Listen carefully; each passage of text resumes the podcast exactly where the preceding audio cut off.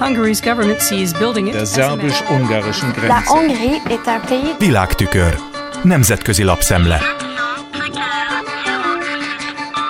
Ukrajnának hálásnak kellene lennie mindazért, amit Magyarország tett, mert hogy igencsak magas árat fizetett ezért a háborúért. Emelte ki az Ukrán Union portál Szijjártó Péter reagálását arra az interjúra, amit Volodymyr Zelenszky adott több nemzetközi lapnak is, és amelyben az ukrán elnök a magyar kormánynak, mint NATO tagországot képviselő kormánynak a háborús időkben tanúsított magatartását és álláspontját bírálta. Az ukrán elnök szerint Magyarország nem a NATO elvárásoknak megfelelően reagált az oroszok háborújára. Szijjártó ezt a magas árat konkretizálta is, a háborúban elhunyt kárpátaljai magyarokra utalva.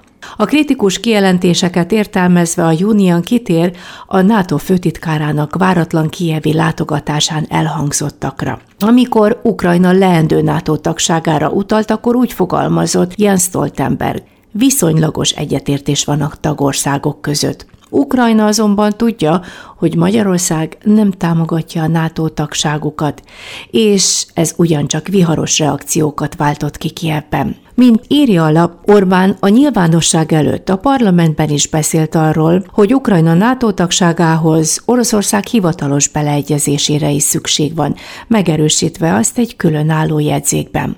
Az ukrán külügyminisztérium pedig erre úgy reagált, hogy szuverén joga a maga útját járni. Az ország szabadon dönthet arról, hová akar tartozni.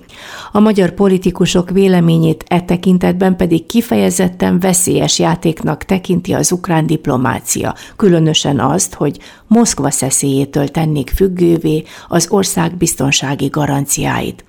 Zelenszky elnök az interjúban elmondta, hogy az az ország, amelyik NATO tagként Oroszország érdekeit védi, és így szembe megy a szövetségi érdekekkel, az ne adjon tanácsokat Ukrajnának, hogy tagja legyen a NATO-nak, vagy ne.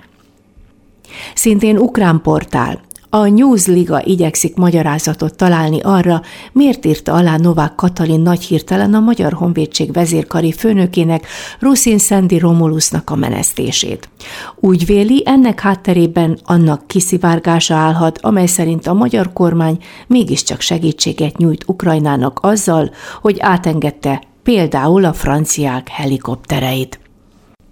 Folytatja támadását a magyar kormány ellen az amerikai nagykövet. Ezzel foglalkozik a francia-angol nyelvű Visegrád Post, amely vasárnap tette közzé David Pressman beszédének részleteit, amelyek az ukrán-magyar panelbeszélgetésen hangzottak el az amerikai nagykövetségen. Az NKA és például a Magyar Nemzet támogatását is élvező Visegrád Post kiemelte például azt, hogy az Egyesült Államok azt akarja, legyen vége a háborúnak, békét akar. De a békét akkor érhetjük el, ha mindannyian összefogunk a háborút pártolók ellen, hogy Putyin vonja vissza a csapatait a vele szomszédos demokratikus országból, idézi a cikk David Pressman. A cikk külön kitér arra is, hogy az Egyesült Államok tisztában van a kárpátaljai kisebbségek nyelvoktatását ért sérelemmel, amely aggodalommal tölti el, és az amerikai diplomácia kész az ukrán és a magyar partnerekkel együttműködni a mindkét fél számára elfogadható megoldás érdekében. Felsorolni is képtelenség, milyen nagy visszhangja van Ferenc pápa magyarországi útjának. Nyissátok ki a kapukat! Ezt emelte ki például a német lapok többsége a Kossuth téren elhangzott pápai beszédből, köztük a Der Spiegel, amelyik óvatosan fogalmaz, amikor azt írja, hogy talán Orbán Viktorra utalt Ferenc pápa, amikor arról beszélt, hogy a külföldiek előtt nem lehet bezárni a kapukat, ha azok segítségre szorulnak, ha azok szegények. A cikk 25 ezeresre tagsálta a megjelent tömeget, s a kritikus hangvételű beszédet a tömegben végighallgatta Novák épp úgy, mint Orbán, illetve Karácsony Gergely, akivel külön találkozott Ferenc pápa szombaton.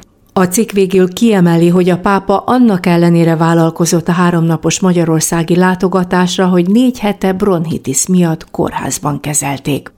A spanyol El País szerint a vizit két fontos kérdés körül forgott. A menekült kérdés, illetve a szomszédban zajló háború ügye körül.